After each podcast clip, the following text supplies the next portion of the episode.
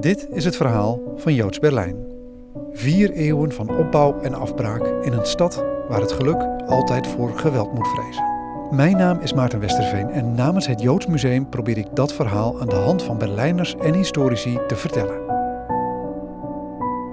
In de vorige afleveringen zagen we hoe Berlijn van een slaperig stadje tot een mondaine metropool transformeerde. Mede dankzij de Joden die tot diezelfde dynamiek werden aangetrokken. We zagen hoe al dat verworvene werd verwoest in de Shoah om vervolgens, voorzichtig, maar gestaag, op de ruïnes nieuw leven waar te nemen. Deze aflevering begint met de val van Berlijns meest iconische bouwwerk, wiens constructie een dodelijke scheiding aanbracht tussen Oost en West. De muur. Op dit moment hebben velen lang gewacht. De sloop wordt dan ook met gejuich gevolgd. Een politieman deelt brokstukken uit. Het restje muur is een gedeeld souvenir. Een tastbare herinnering aan een hopelijk vervlogen nachtmerrie. In West, in de Bernauerstraße, hangen de kruisen voor hen die hier in 61 bij vluchtpogingen stierven. Hier gaat vanochtend de muur open. In de vorige aflevering werd al gesteld dat de constructie van de muur zowel onvermijdelijk als onverwachts was. Historicus Hanko Jurgens stelt dat het met de val niet anders was. Was natuurlijk uh, volkomen onverwacht. Interessant is dat het ook wel voor een deel te verwachten was en dat de contacten steeds intensiever werden tussen Oost- en West-Berlijn. Het werd steeds makkelijker om te reizen. Uh, en je ziet dus dat die gemeenschappen ook heel erg naar elkaar uh, toe moesten groeien. En uh, ja, in mijn optiek was het nou niet meteen zo dat uh, zeg maar de Joodse gemeenschappen uh, op dat moment in Oost- en West-Berlijn zeg maar een grote stevige stem hadden. Het waren gewoon burgers in de stad.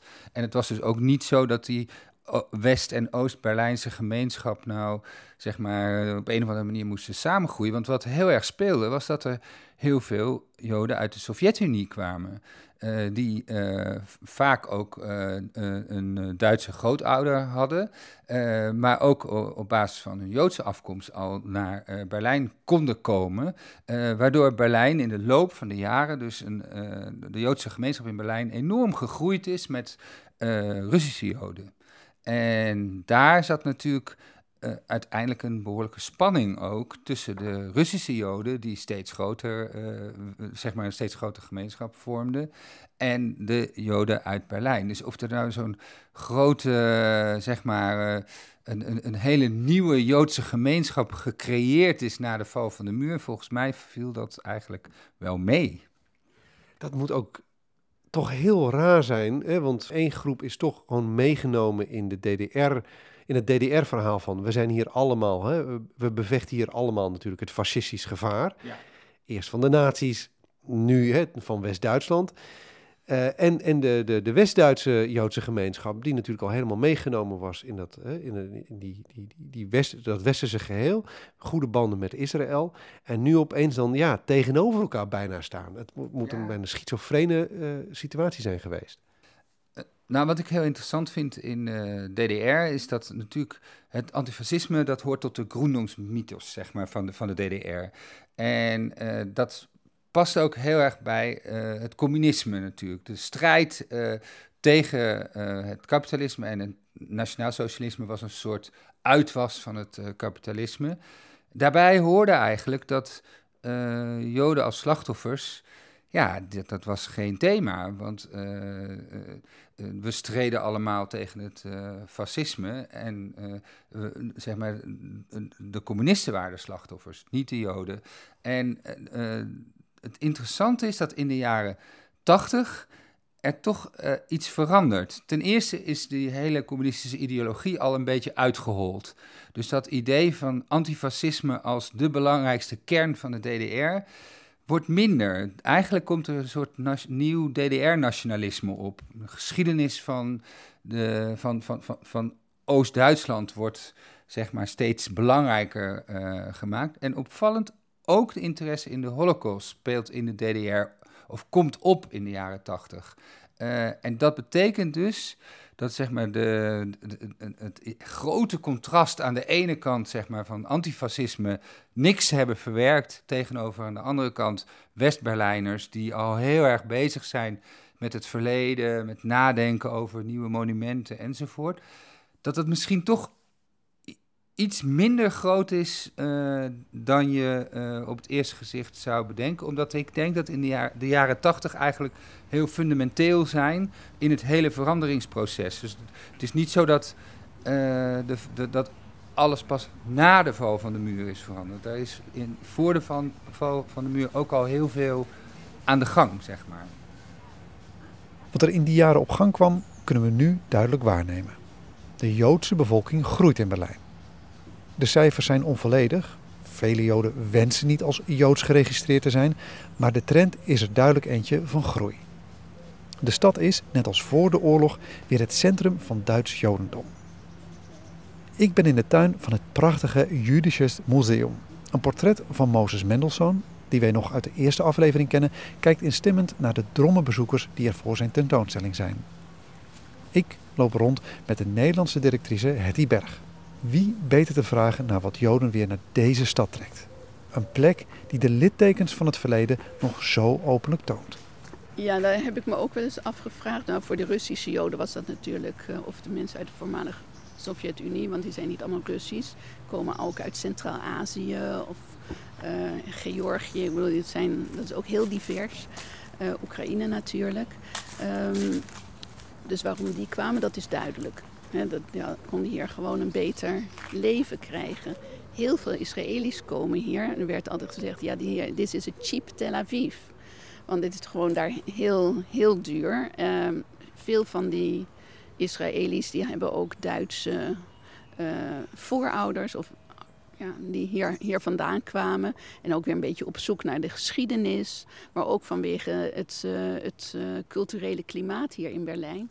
Uh, dat je ja, hier, hier is, of het wordt een beetje minder, maar alles mogelijk. Hè. Er waren heel veel van die, van die gebouwen die, die leeg stonden, waar, waar je zo'n ja, zo'n cultural hub kon maken. Je kon hier nog een atelier krijgen als, als kunstenaar. En in Duitsland is het muziekleven enorm.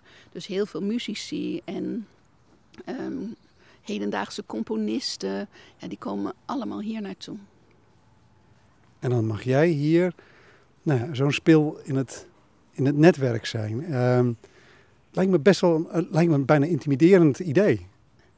Uh, ja, toen ik begon hadden mensen me ook wel allemaal van... oh, dit is zo'n moeilijke baan. En um, ook omdat het uh, ja, heel erg uh, een beetje onder een vergrootglas lag. dat er heel precies werd gekeken wat, wat er hier allemaal gebeurt. maar ja, het is echt geweldig. En uiteindelijk is het een Joods museum. En dat ken ik natuurlijk zo goed. Doordat ik meer dan 30 jaar in het Joods Historisch Museum, nu Joods Museum in Amsterdam heb gewerkt bij het Joods Cultureel Kwartier. Maar dit, um, ja, de hele omgeving, laten we zeggen, de, hele. Um, dat, dat is heel anders dan. En het is veel politieker. En er wordt veel. Um, ja, er worden hier hele heftige discussies gevoerd. Uh, dus dat, uh, ja, dat maakt het ook heel spannend en, uh, en leuk. Een van die overgekomen kunstenaars is Eres Israeli uit Tel Aviv. Samen lopen we de Oranjeburgerstrasse af. Iris woont al jaren in Berlijn, maar is nog niet aan Duits toegekomen. Het heeft hem echter niet belemmerd hier zich thuis te voelen.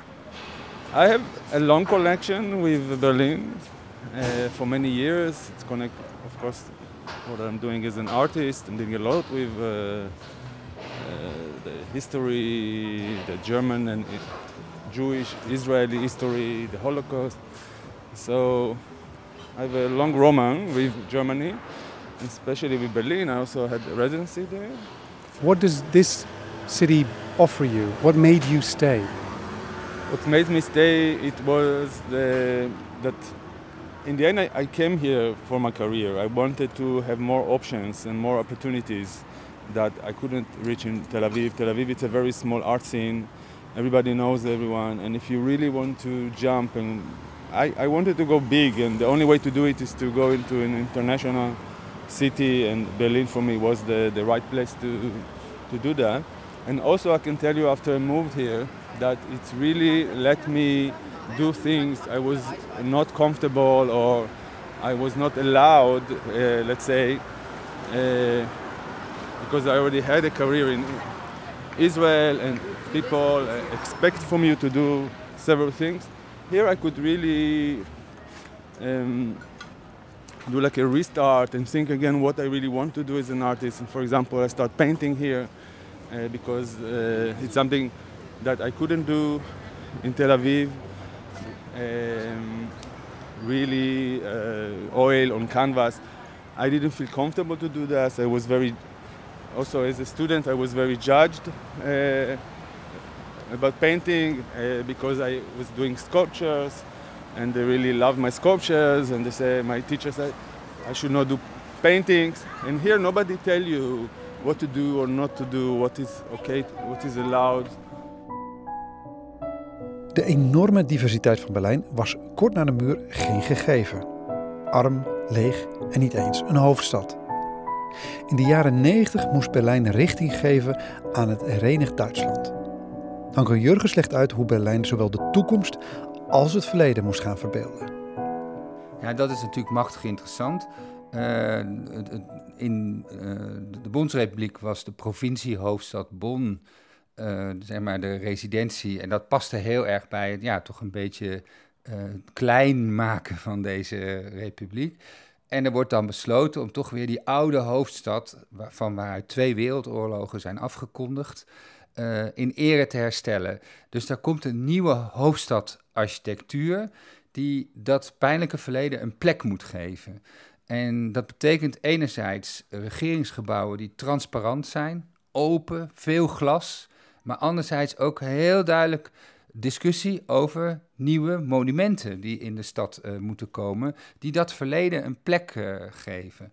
En uh, het interessante is dat dat enerzijds wordt ingegeven eigenlijk door de regering Kool, die daar ook iets mee moet, maar dat er ook allerlei lokale initiatieven al waren in Berlijn, in West-Berlijn zeg maar, ook al van voor de val van de muur, uh, en dat die van, eigenlijk van twee kanten uh, komen er allemaal uh, discussies, debatten over de inrichting van nieuwe monumenten, zodanig dat je op dit moment Berlijn als een soort hoofdstad der Reue zou kunnen zien, waar zoveel ja, belangrijke musea en uh, belangrijke monumenten zijn die herinneren aan de Tweede Wereldoorlog en die natuurlijk ook voor de Joodse gemeenschap van groot uh, belang zijn. Um, waarom um, de discussie over de schuld, de discussie over de daden, het daderschap, die waren al lang gevoerd. Dus um, de vraag dringt zich wel enigszins op. Waarom is het pas in de jaren negentig dus dat er zoiets groots, zoals bijvoorbeeld het Holocaustmonument, eh, eh, uiteindelijk gaat verschijnen? Dat duurt bovendien nog wel een tijdje. Maar ergens zou je verwachten dat dat wellicht ook eerder had kunnen gebeuren. Daar waren natuurlijk in Bonn ook al discussies. Uh, en in feite heeft Helmoet Kool, toen hij in 1982 bondskanselier werd, ook gezegd er moeten twee nationale historische musea komen. Eentje voor de naoorlogse geschiedenis, zeg maar, en eentje voor de geschiedenis tot 1933. Dat was althans zijn uh, idee. Dus daar werd heel erg ook al in de jaren 80 over nagedacht.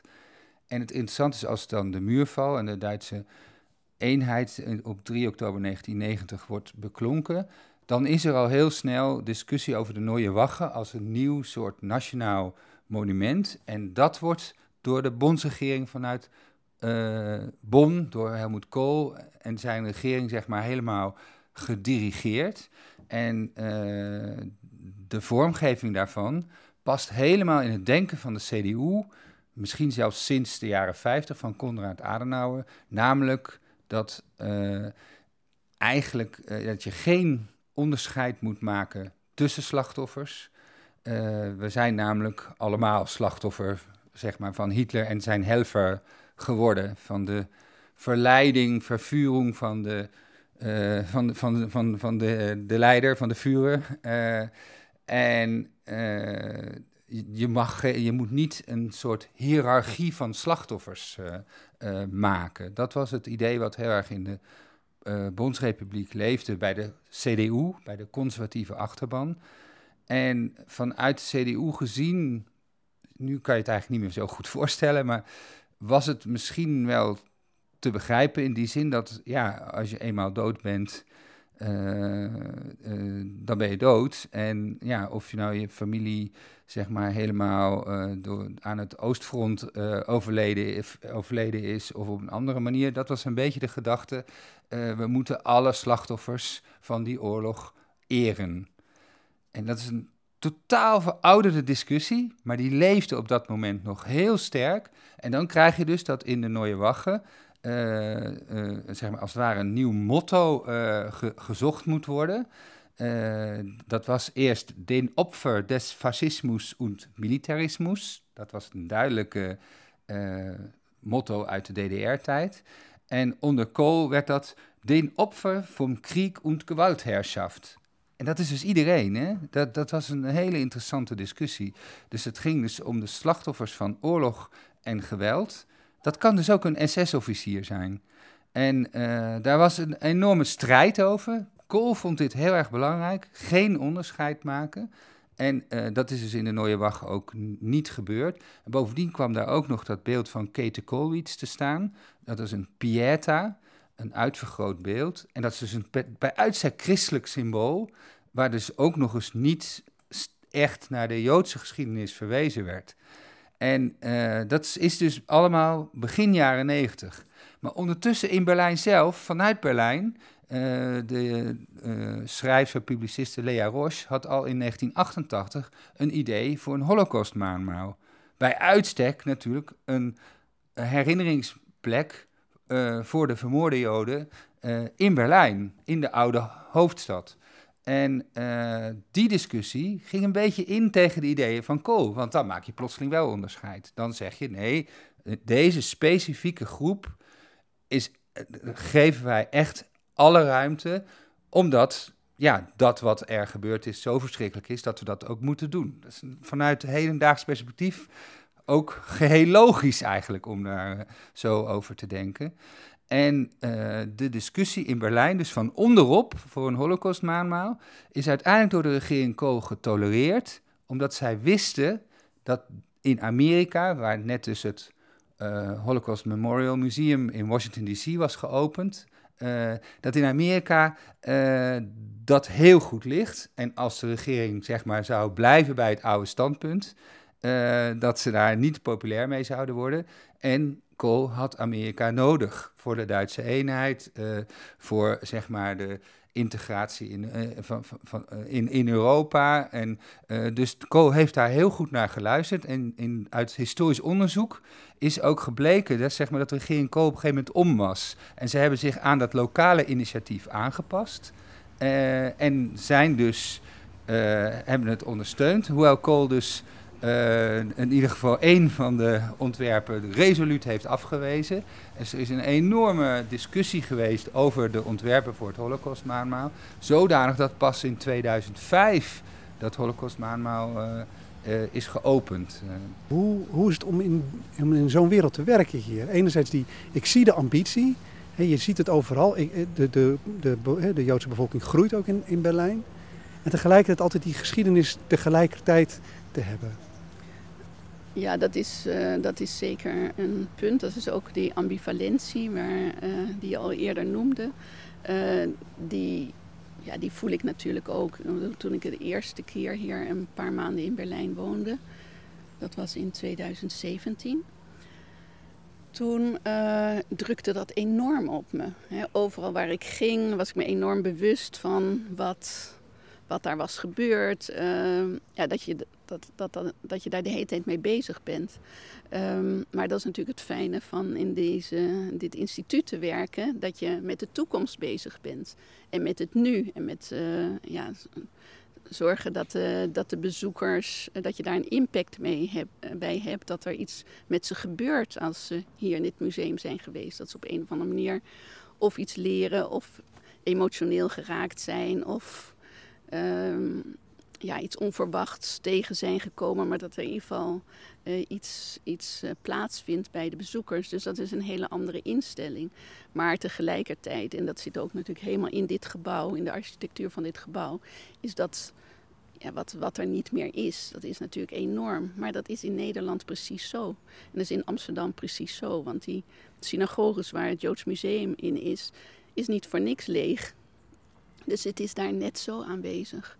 En als je de namenwand hebt, ook van Daniel Liebeskind en vlakbij het Joods Museum. Uh, het is, en daar zijn ook steeds meer stolpersteinen, die je hier in eh, Berlijn ook heel veel hebt. Je, het is er altijd. En uh, het is ook belangrijk dat, dat de herinnering daaraan levend wordt gehouden. Maar ook dat er een perspectief is naar de toekomst. Um, wat is dat perspectief eigenlijk? Zoals je dat hier ziet, hier in Berlijn dat er weer uh, Joods leven is en dat dat niet één uh, duidelijk uh, definieerbaar iets is. Dat dat van alles kan zijn, dat dat heel, ja, dat het een hele levendige, zich steeds ontwikkelende realiteit is. En hopelijk blijft dat groeien. Voor RS is het verleden iets waar hij zich toe wil verhouden, maar zich niet door wil laten bepalen. En het is hier in Berlijn dat hij antwoorden op die vraag begint te vinden. With the complex, with the past, but in the end I'm not here, you know, to, to live the past. I live to face the present and the future, and also in my art, I I don't deal in the in, in the past or in the Holocaust in a way that I try to say it was okay or, or to judge or to educate it. I just try to create a new perspective and a new way of seeing the obvious um, um, images that present or images that connect to for the of the Shoah to the Holocaust. How you can uh, look at them again and, and makes people thinking again or connect again to the past because for and it starts in Israel because in Israel you have if you talk to young uh, people or even I mean you have from one hand you have the young people that they don't want to hear about it anymore. For them it's it's uh, sad. Or you have the grown-up people or Holocaust survivor that they tell you you're not allowed to touch it. And I'm always between this uh, to to create things that I had a very interesting conversation once with a Holocaust survivor when he saw one of my works that I was sewing a yellow star to my uh, chest, really to the skin. And he said, "This is uh, how you can do this to the yellow star, and to the to the history of uh, the, the, Holocaust." And I said, "But the yellow star, it's not the history of the Jewish people. This is a sign that Nazis create. The Nazis create. It's not something you you should." Admire or appreciate or protect. You don't need to protect the yellow star. This is something not to protect. This is something to ask questions about it, how it's marked us, how what what's behind it. And in the end, this conversation that started very negative and very I told him eh, only this that we have this conversation now and we can talk about the Holocaust, what, what is allowed, what is not allowed. We already, by putting it into words, we give much more to the memory of the Holocaust from avoiding things and to say this this you're allowed to, to you're allowed to talk about this or this you're not allowed to talk about and in the way this is what disconnect the the new generation from the memory of the Holocaust uh, and when I told him when you will not be here anymore to talk that who will talk at who will so you need to have these triggers even if it looks sometimes provocation that I sewing it to the skin. This provocation, uh, as he described it, it's something that allowed us first to start this conversation. And he hugged me in the end and he said, You were so right. And I'm so happy I met you and I'm so happy I saw the work and I'm so happy we had this. And I think here, one of my challenges was uh, if we keeping with this idea was also how, we, how it's happened with the Germans. And one of the first works I, I did was uh, Holocaust jokes, uh, German Holocaust jokes. And it was also funny and not funny to see how Germans react to this. And remember that people, uh, they, they, came to the exhibition and they asked me, are we allowed to laugh from the jokes or not?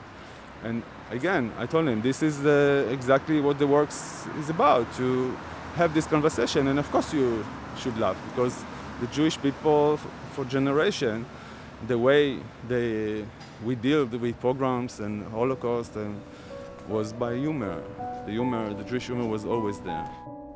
We begonnen deze reeks met Berlijn als een soort magneet voor zowel Joden als niet-Joden. Tegenwoordig heeft het die functie weer. Ik vraag aan Hanko of de geschiedenis zich hier herhaalt. Ik zie dat wel als een groot verschil in die zin dat de, in de 19e eeuwse aantrekkingskracht voor een deel uh, vlucht was. Hè? Dus echt gewoon uh, uh, ja, vluchten voor vervolging uit Oost-Europa. dus uit nood geboren. Natuurlijk ook heel sterk door de industrialisatie kwam. waar overigens ook heel veel, toch wel een aantal industriëlen die daar heel erg van, Joodse industriëlen die daar heel erg van hebben kunnen profiteren, zeg maar. Um, eh, en ja, die dus ook heel belangrijk zijn geworden uh, voor de stad. Uh, Walter Ratenau zeker bijvoorbeeld. Een heel aantal van rijke, zeg maar, belangrijke mensen in de stad waren van Joodse afkomst.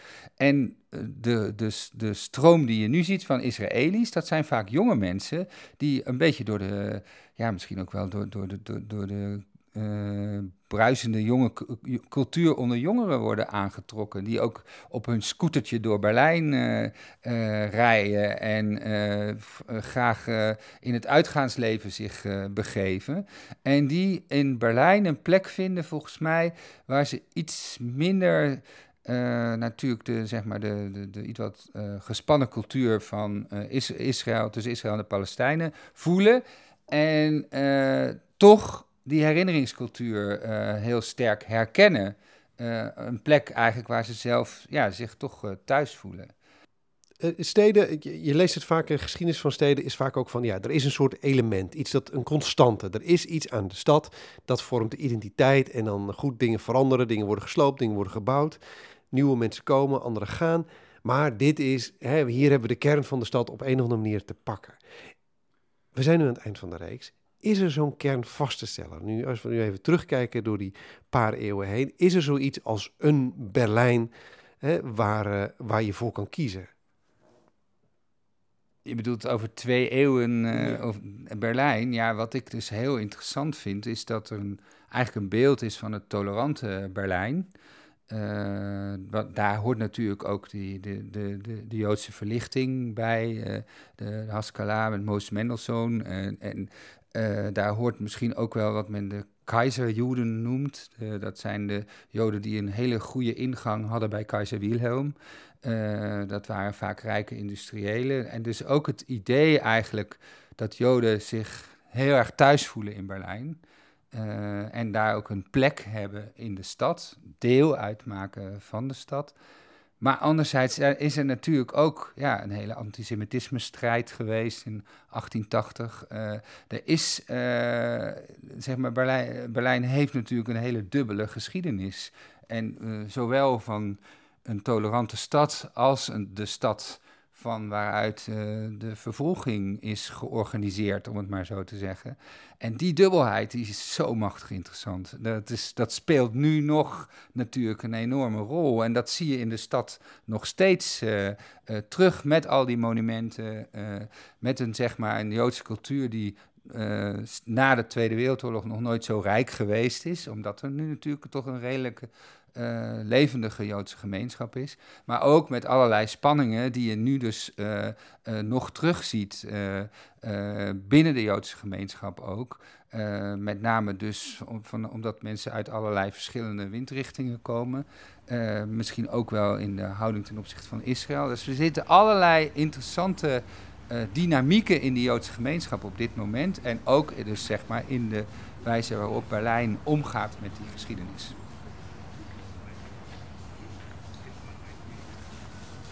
Is er ook een, ligt hier ook een les voor Nederland? Uh, is hier een les te leren in Berlijn voor, uh, voor ons in Nederland? Nou, ik zou het eerder omgekeerd willen zien. Dat er een les hier is uh, vanuit Nederland. Want um, de krampachtigheid waarmee de waarmee er hier met, met de Joden nu wordt omgegaan en met dat hele verleden, is, is dusdanig dat het heel erg contraproductief is.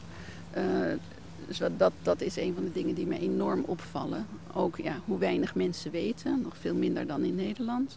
Maar ook um, ja, hoe, hoe oncomfortabel het voor ze is om met levende joden om te gaan. En met dode joden, daar hebben ze een manier voor gevonden met hun hele herinneringscultuur. En daar hebben ze een heel ritueel voor ontwikkeld. Maar um, ja, dat is misschien ook om, om, om het daarmee um, um, ja, een plaats te kunnen geven of, of daarmee klaar te zijn. Maar ja, Joods leven nu en dat is soms uh, ja, echt heel, uh, heel ongemakkelijk. Ook voor mij. Op welke manier?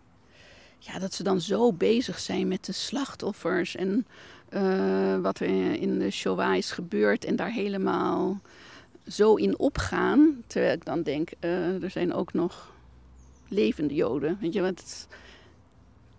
Dus die bijna, ja, bijna een obsessie met, met, de, uh, met het slachtoffer. En, en al, als je dan nog een. Uh, of dat dat slachtofferschap dan ook heel erg weer geprojecteerd wordt op, op de mensen die hier nu leven. En geleefd wordt er in Berlijn. Eres ziet zich niet snel ergens anders wonen. Liefde, vriendschap, werk. De stad heeft alles gebracht waar hij bij zijn verhuizing op hoopte. De Berlijnse belofte werd ingelost. En die verbondenheid kwam uiteindelijk ook terug in zijn werk als kunstenaar. It was very important for me as artist who did a lot with the past to do actually something that connect to the life of the city and what uh, magnet me to the city today. And one of uh, my strong experience with the city was the club scene of the city, especially Berghain. So I told my galleries that I really want to do a project with Berghain.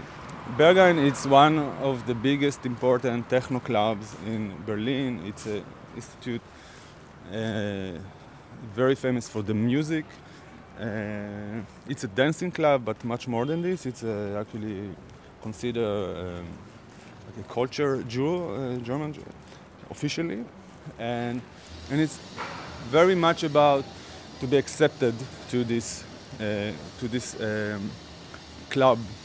I know so many people are so excited if they let them in. This is, and I said I need to do something with that. When you get into the club, they stamp you. Uh, like most of the clubs uh, in, in, the world. And these stamps are very special. They're designed especially for Berghain. And you can see a lot of people taking photos with the stamps. During the same day, I will go to the party. Then during the same day, I will tattoo the stamp that I got. And also here, I wanted to do something physical that really connect me to the city. And it's like, in a way, it was like. Uh, getting a, a stamp to, to move here. But it's stay there forever.